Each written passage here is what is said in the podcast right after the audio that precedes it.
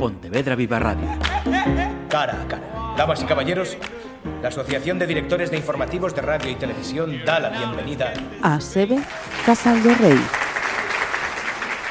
Invitamos un año más al cara a cara a Severiano Casal de Rey, programador del FIC Bueu, el Festival Internacional de Curtas de Bueu, y esta vez también hay que felicitarle porque eh, estamos hablando con un miembro de la Academia Española de Cine. Así que se ve Muchas felicidades. Muchas gracias por la felicitación y bueno, muchas gracias por invitarme otra vez más para, para estar aquí en Pontevedra Viva hablando de... De lo que más te gusta. Eso, que es el cine.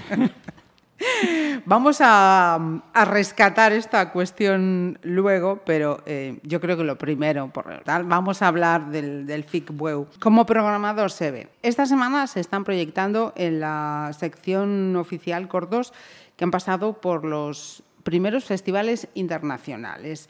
¿Cuáles están, digamos, en tu top, en tus recomendaciones? Pero cuidadito, porque esto no significa que digáis, ah, pues a todos estos que no ha citado ya no voy. No, no, no.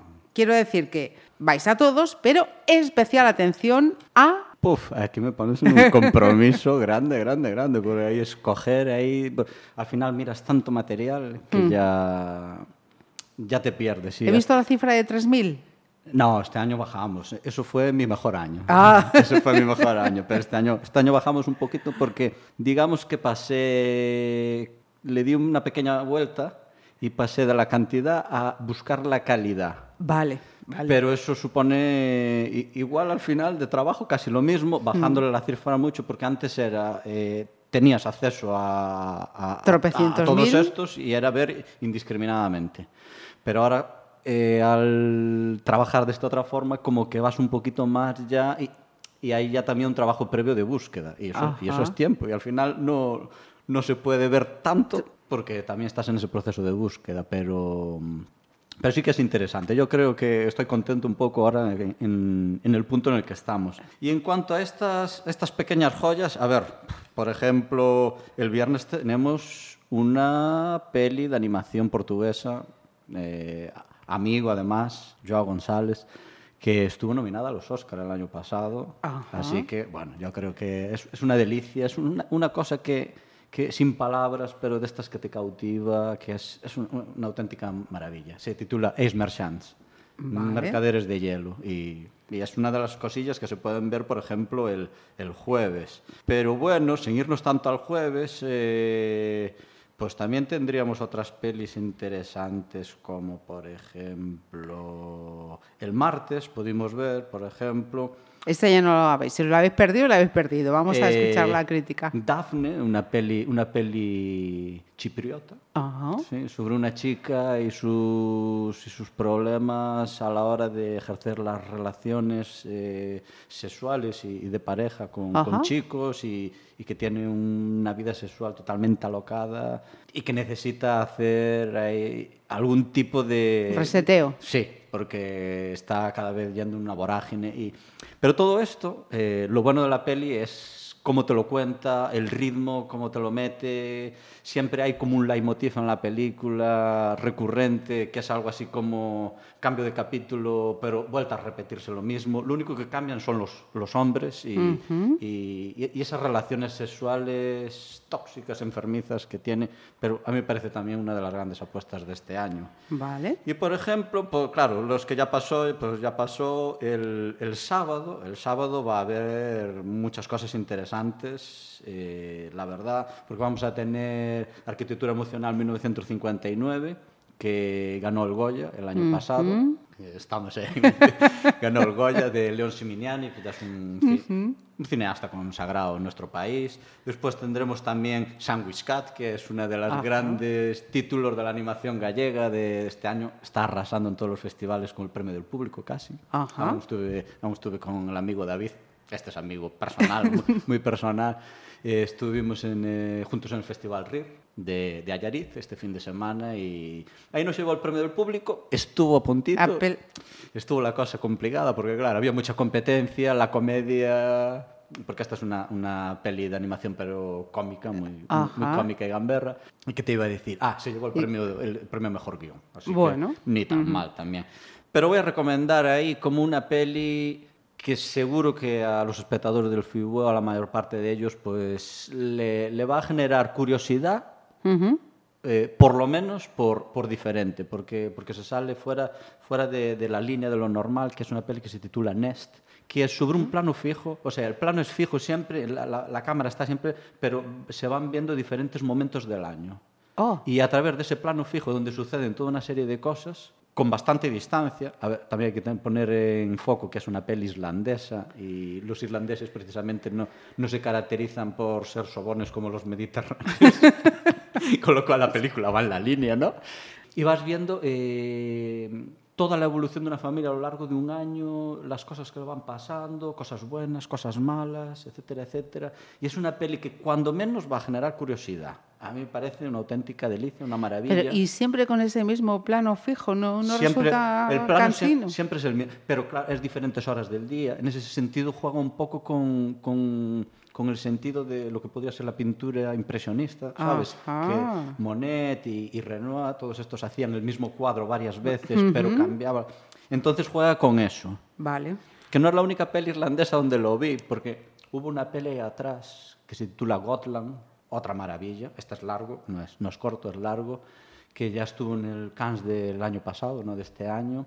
Y también de vez en cuando, claro, no era ese la, la, la idea, de... la idea de la película, uh -huh. pero de vez en cuando con ciertos planos y como todo la, el aspecto natural de Islandia, es casi como un personaje más, pues jugaba con ese paso del tiempo quedándose siempre en, el mismo, en la misma posición del plano. Pero en, en el caso de Nest, ese es el, es el, concepto de la película y después la historia toda, pues es una historia pues, de observación, digamos, más de, de atención y hasta incluso, uh -huh. hasta cierto punto, tomándolo de antes, pictórico, ¿no? Porque claro, tú cuando, muchas veces igual las personas eh, ver eh, pintura como que es algo que no es habitual no y a veces cuesta un poco y eh, enfrentarte al cuadro, enfrentarte ahí a, a todo lo que está allí sucediendo. Y la peli va un poco en esa línea. Yo, para mí, podría ser una de mis... Favoritas. Sí, pero bueno, de todas formas, me pillaste aquí y, y, es lo que me acordé ahora mismo, pero... Mira, no, no, no me vale, me refiero, no me vale de excusa en el sentido de que Estoy, estoy, hablando con él en una entrevista, me está explicando cosas y mi cabeza es, céntrate, no pierdas un solo segundo porque está la cantidad de datos que lleva en la cabeza este hombre. Por eso mis alumnos desconectan. sí, no. no, no, no, no. no. Eh, otro de los temas que venimos eh, trayendo, eh, este ya por cuarto año, son estos cuadernos del FIC Bueu, que también son resultado de, de, tu trabajo. Por si tenías ya horas sueltas por ahí libres, pues toma, desde hace cuatro años los cuadernos Ficbueu. Este año el protagonista es un realizador holandés, o sea, no nos hemos ido a una escuela, no nos hemos ido, hemos ido a un cine de un país determinado, no, una persona en concreto, el realizador holandés Joris Ivens. Breve reseña biográfica, por favor. Mm, vale. Aquí hablamos de un cineasta y la idea de los cuadernos Fibó es siempre buscar algo que tenga la relevancia suficiente, no, no suficiente, más que suficiente, pero no la repercusión que debería. Ajá. Esa siempre, Visibilizar. Claro, esa siempre fue nuestra, nuestra meta eh, a la hora de hacer los cuadernos Fibó. Y en el caso de, de Joris Stevens, pues este año buscábamos un, un, monográfico, un director, un director que además pues, tuviese una carrera en el cortometraje suficientemente extensa uh -huh. como para, para dar lugar a una retrospectiva, porque claro, puede haber directores que sean muy relevantes, pero hicieron dos cortometrajes, uh -huh. que pueden ser una maravilla, pero claro, cuando tú quieres hacer una retrospectiva o un libro en el que... Claro, necesitas la, que la haya esencia, material. La esencia es esa, pues buscas eh, en ese sentido pues que, que tenga un, un, montante importante. En el caso de Joris Siemens, yendo a lo de la reseña bi biográfica, director holandés, director que además eh, eh, hay que considerarlo como uno de los pioneros en el mundo del documental, es uno de, de las grandes voces de, del documental en los años 20 hay que, hay que tener en cuenta que realmente el cine nace siendo documental. Cuando uh -huh. los hermanos Lumière hacían aquellas tomas, eh, eran documentos, ¿no? Sí, sí, claro. Documental, docu eh, la diferencia entre documental y documento a veces es algo que daría para reflexionar mucho. Pero lo que es el concepto del documental como un género, como algo establecido, algo ya que ya tiene una, una intencionalidad y una identidad, sí, justo, como dices tú, pues es algo que nace en los años 20. Uh -huh. O sea, hacen falta veintitantos años, casi 30 años, para que, que, el género se defina partiendo de lo que decía antes, que es eh, la, la esencia del propio nacimiento del cine.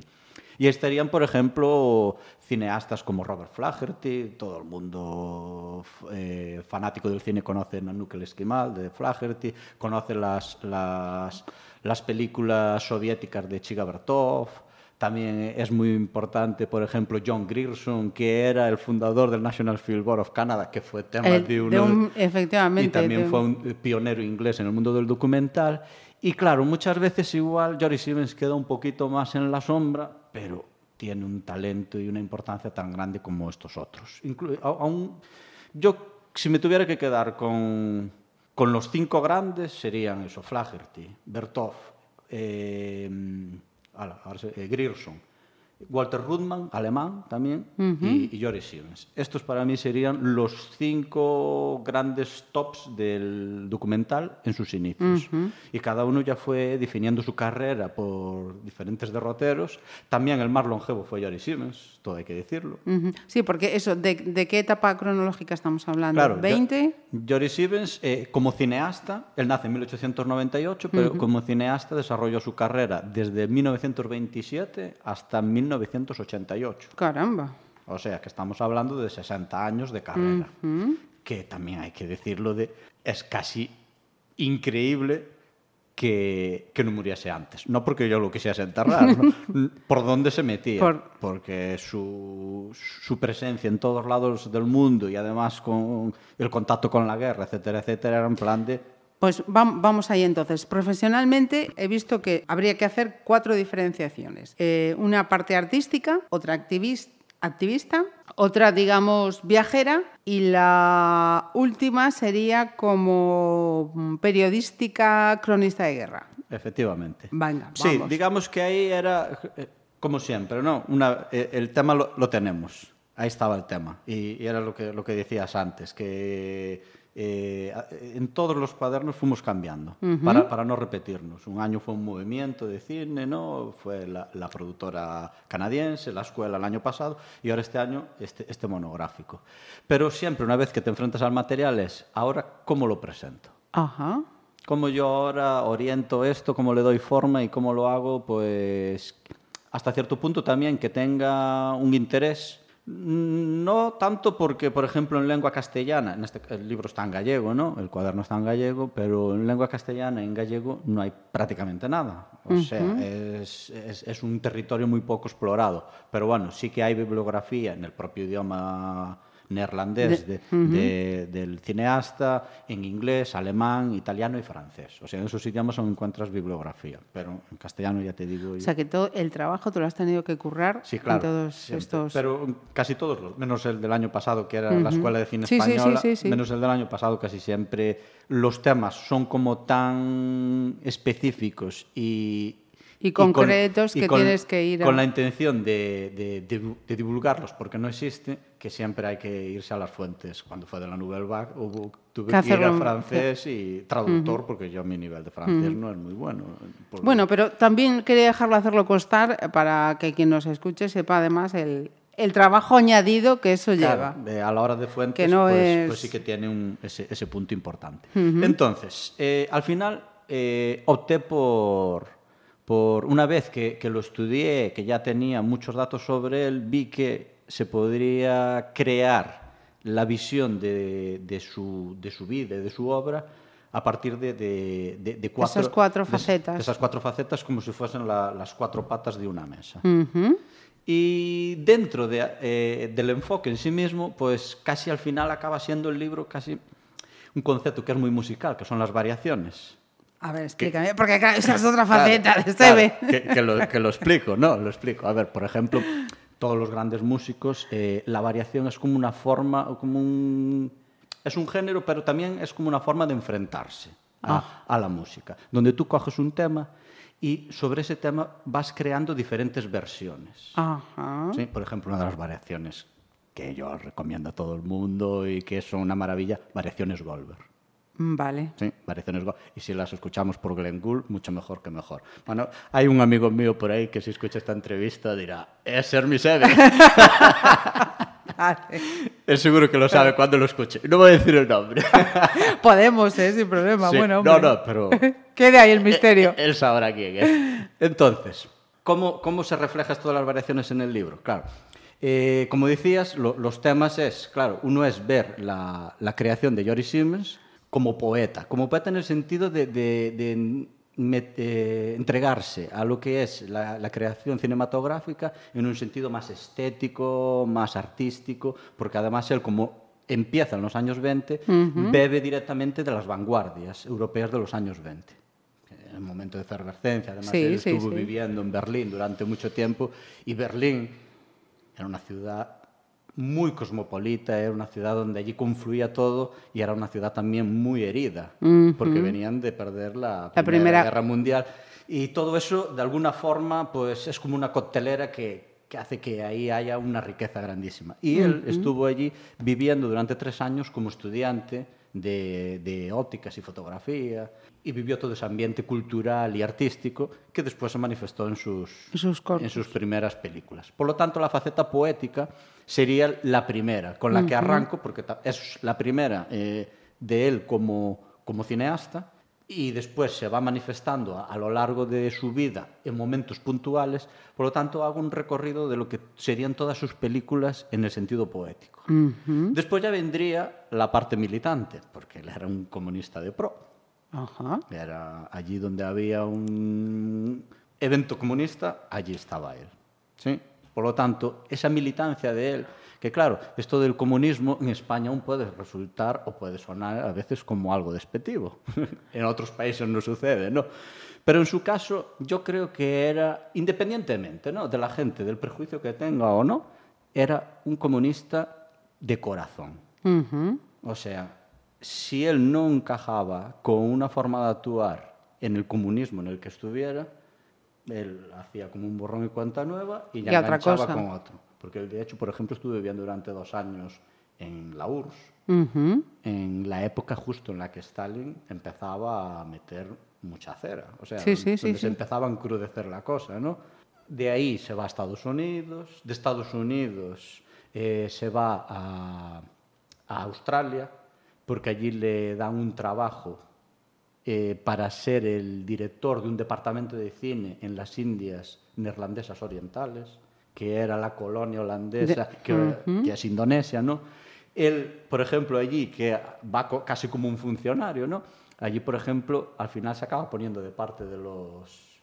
Indonesios. De los indonesios que en este caso eran liderados por Sukarno y también había como un, un modelo político comunista dentro de, del país.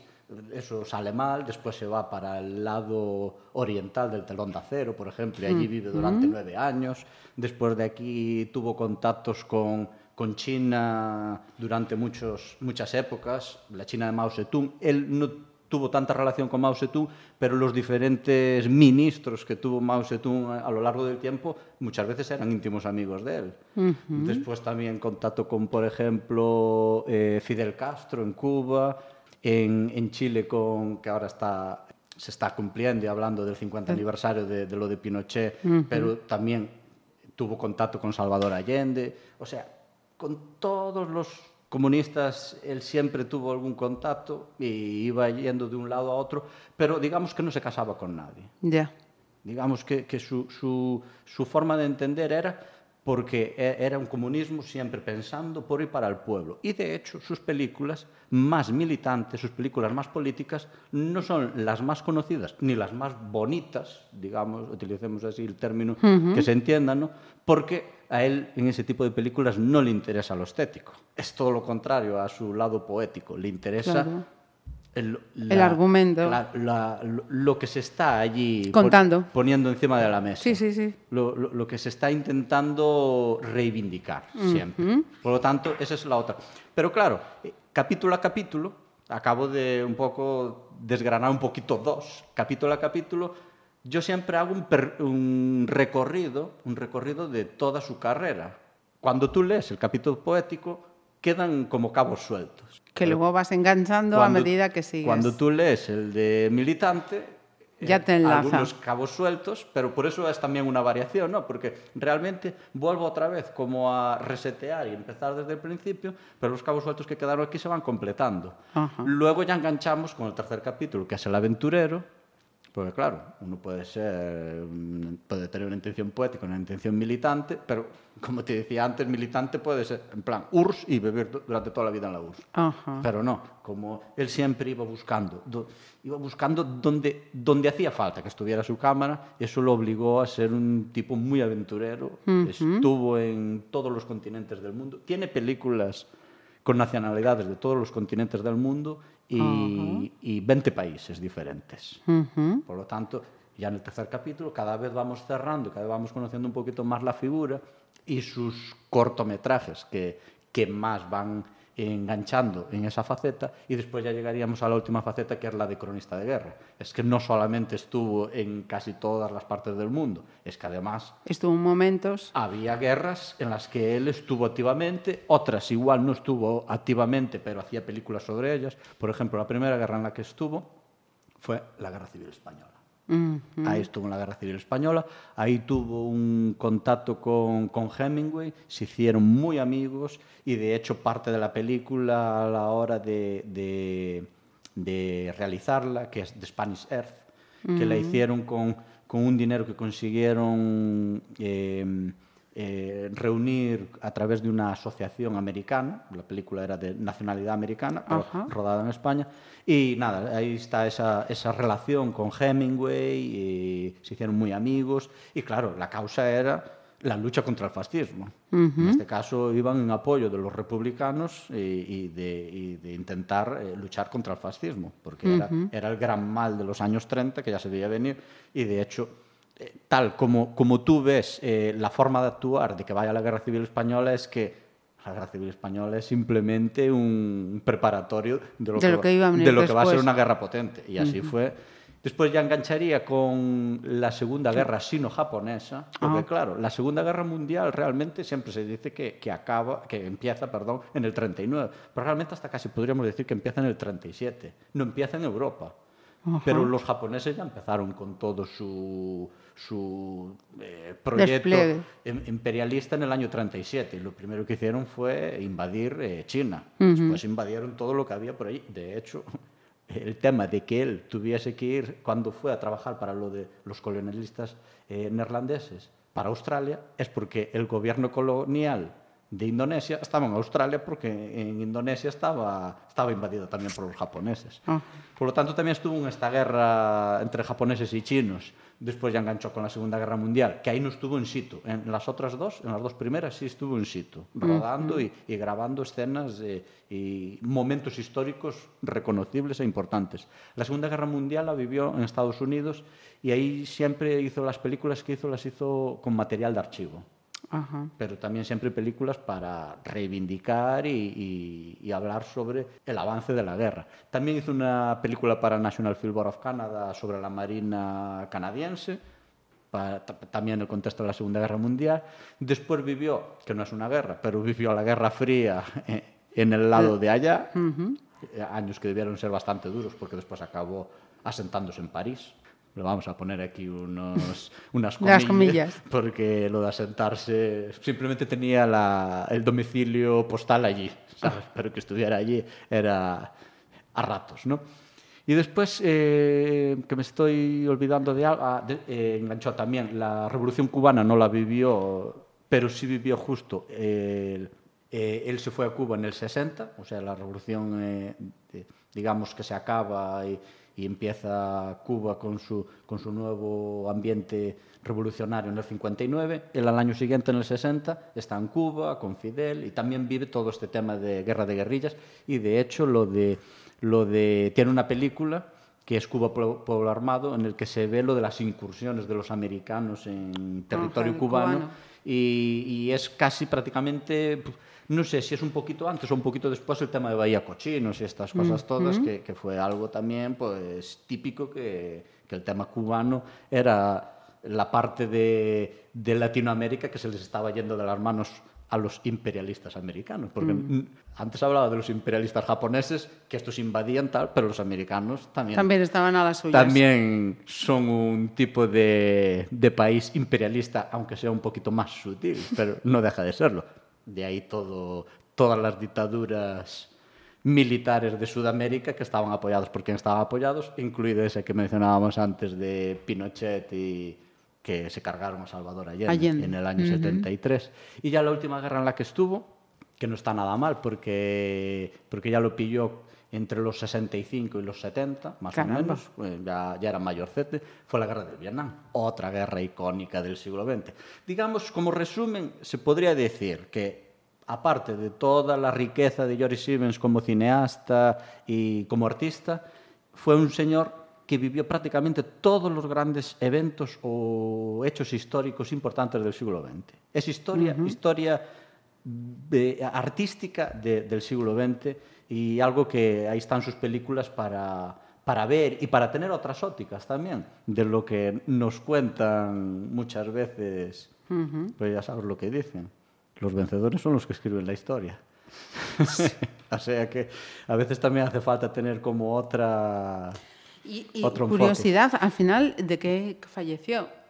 Ya tenía una edad avanzada, falleció. pero... Pues mira, ahora mismo sí que me pillas, eh, pero, pues... pero, algún tipo de insuficiencia, porque Ajá. él siempre, siempre tuvo asma. Uh -huh. Supongo que algún tipo de insuficiencia pulmonar o algo así. Uh -huh. Ya, claro, ya tenía una edad, porque él murió el año que cumplía 91 años. Uh -huh. eh, nació hacia final de año, eh, no le dio tiempo, pero, pero, pero, por ejemplo, volviendo al tema también de, de, de los una semana antes de morir, estaba en las manifestaciones de París contra los eh, eventos de la plaza de Tiananmen tan Ajá. míticos de, ¿sabes? El chico se metía delante del tanque y estas sí, cosas. Sí, sí, pues sí, sí. Allí estuvo una semana antes, con noventa y tantos. Después, pues eso. Yo creo recordar Como que se era... dice en España, genio, genio, y figura hasta la sepultura. Tal cual.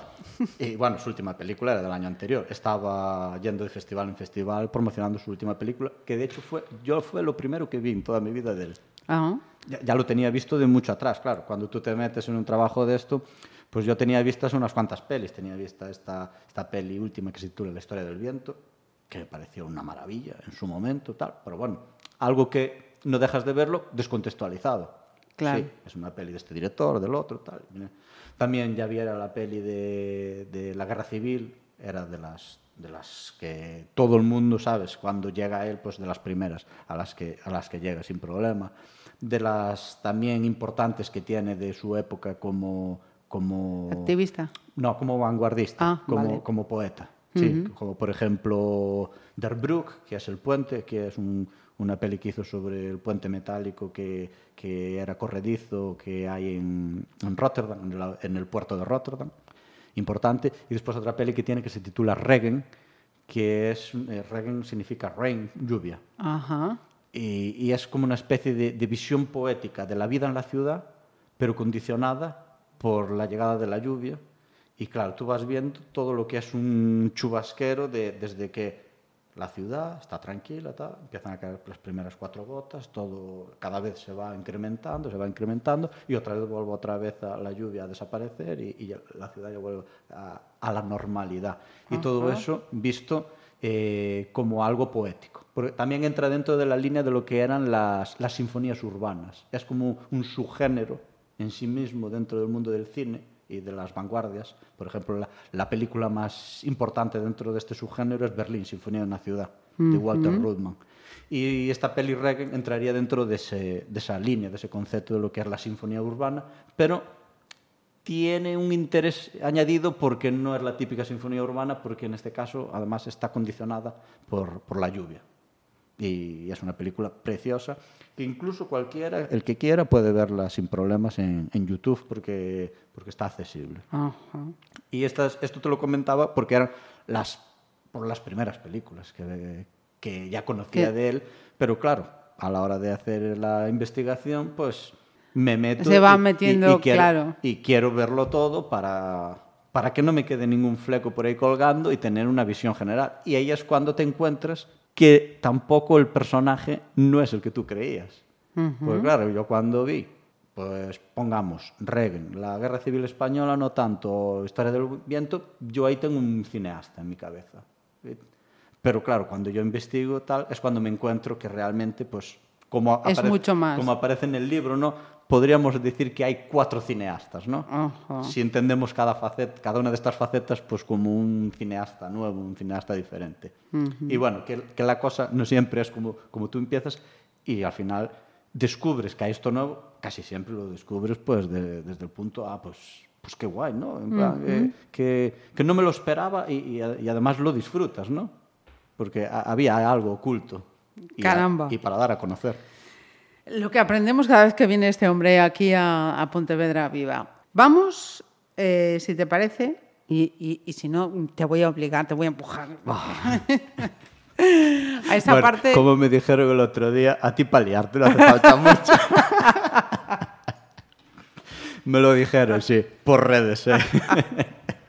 y pues yo, te, sí, te, voy a liar sí, entonces, sí, pero volvemos. También les digo, sí, me dejo liar rápido, pero también y lo disfrutáis, después ¿verdad? lo disfruto. ¿Eh? Disfruto de la liada. Sí, señor.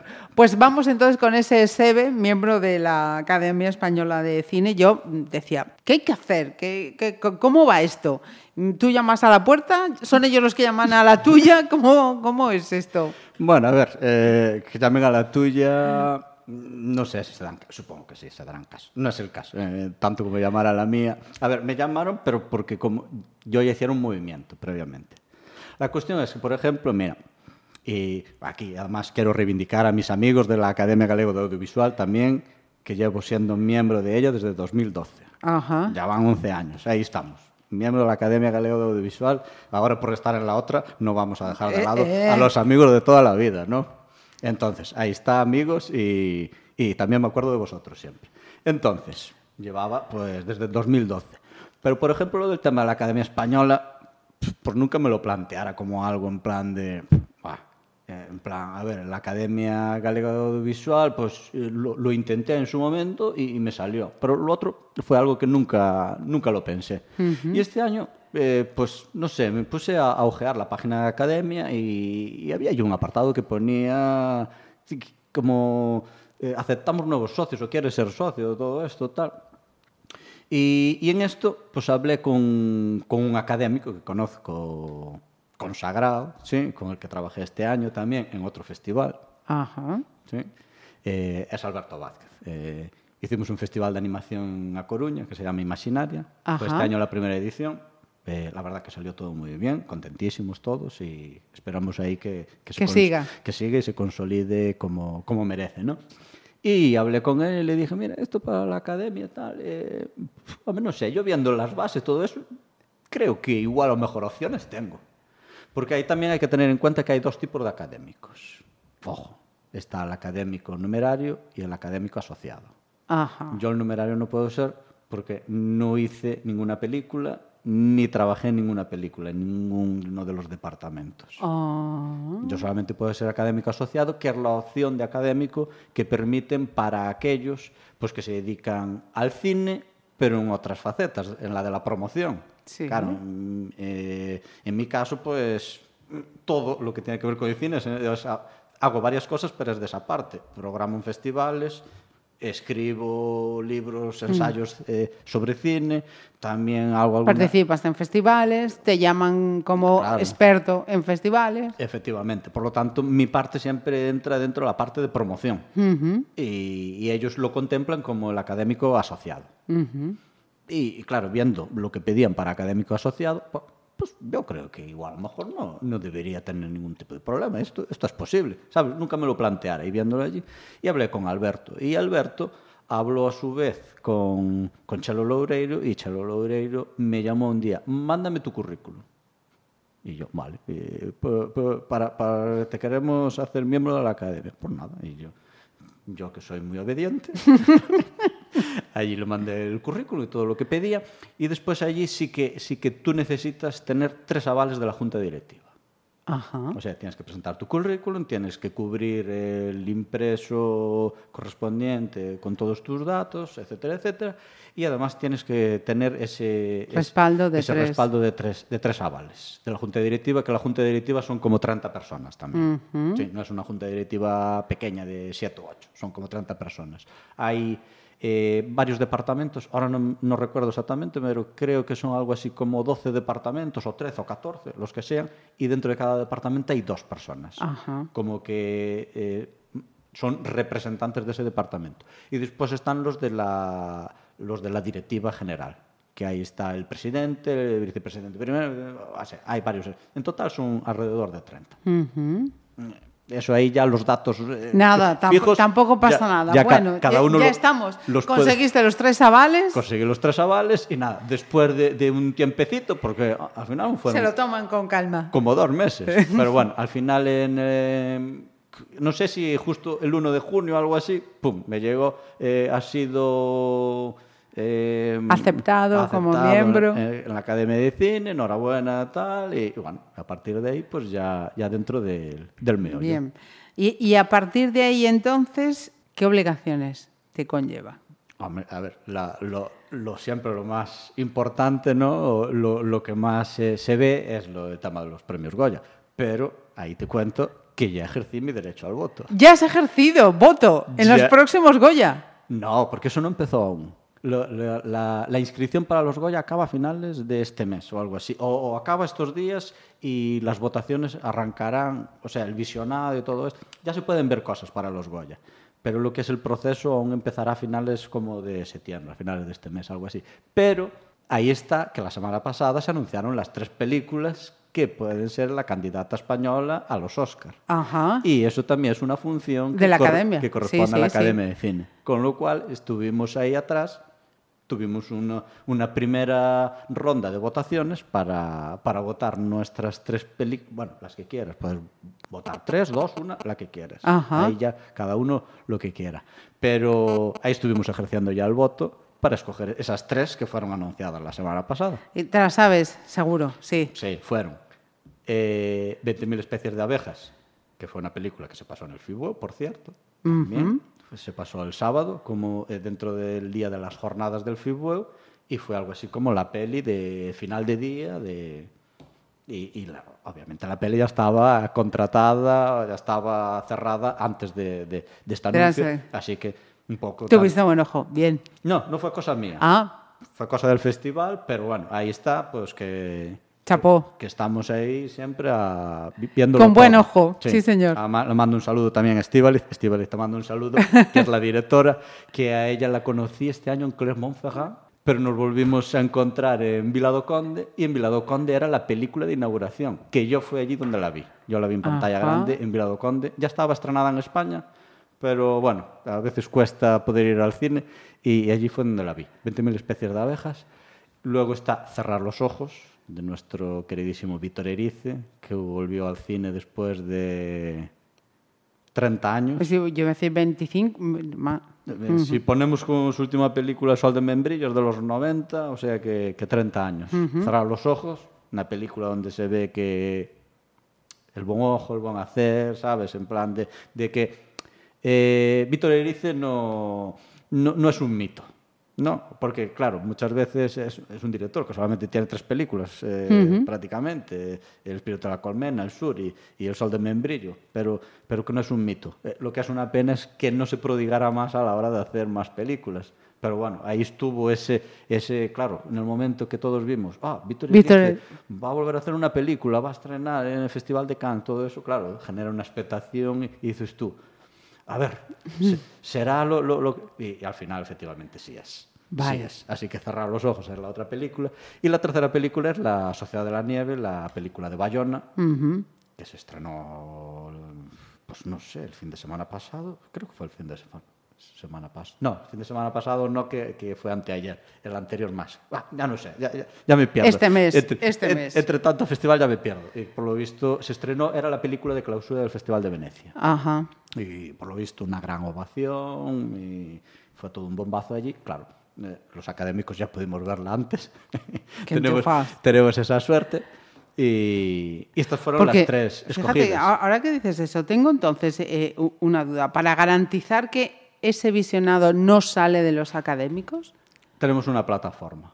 Ajá. Hay una plataforma que se llama Beomac, que es la que se utiliza como plataforma de, eh, de seriedad, ¿no? Uh -huh. Para, pero claro, es para un perfil ya profesional y se utiliza para lo que se utiliza. Claro, claro. Porque si no sería, vamos, la casa de Tocamarroque. Claro, claro. Y no, no, se pueden descargar y nada. O sea, es una plataforma que tiene sus también su seguridad, uh -huh. etcétera, etcétera. No, no es un, una tenderetada, vamos. En plan. Eh, y, y, claro, al final, los académicos que viven en Madrid lo aprovechan mucho más porque ellos hacen actividades todos los días Ajá. y de hecho hacen pasos para académicos en, Allí en la en la- propia sede. ¿sabes? En pantalla grande y todo eso.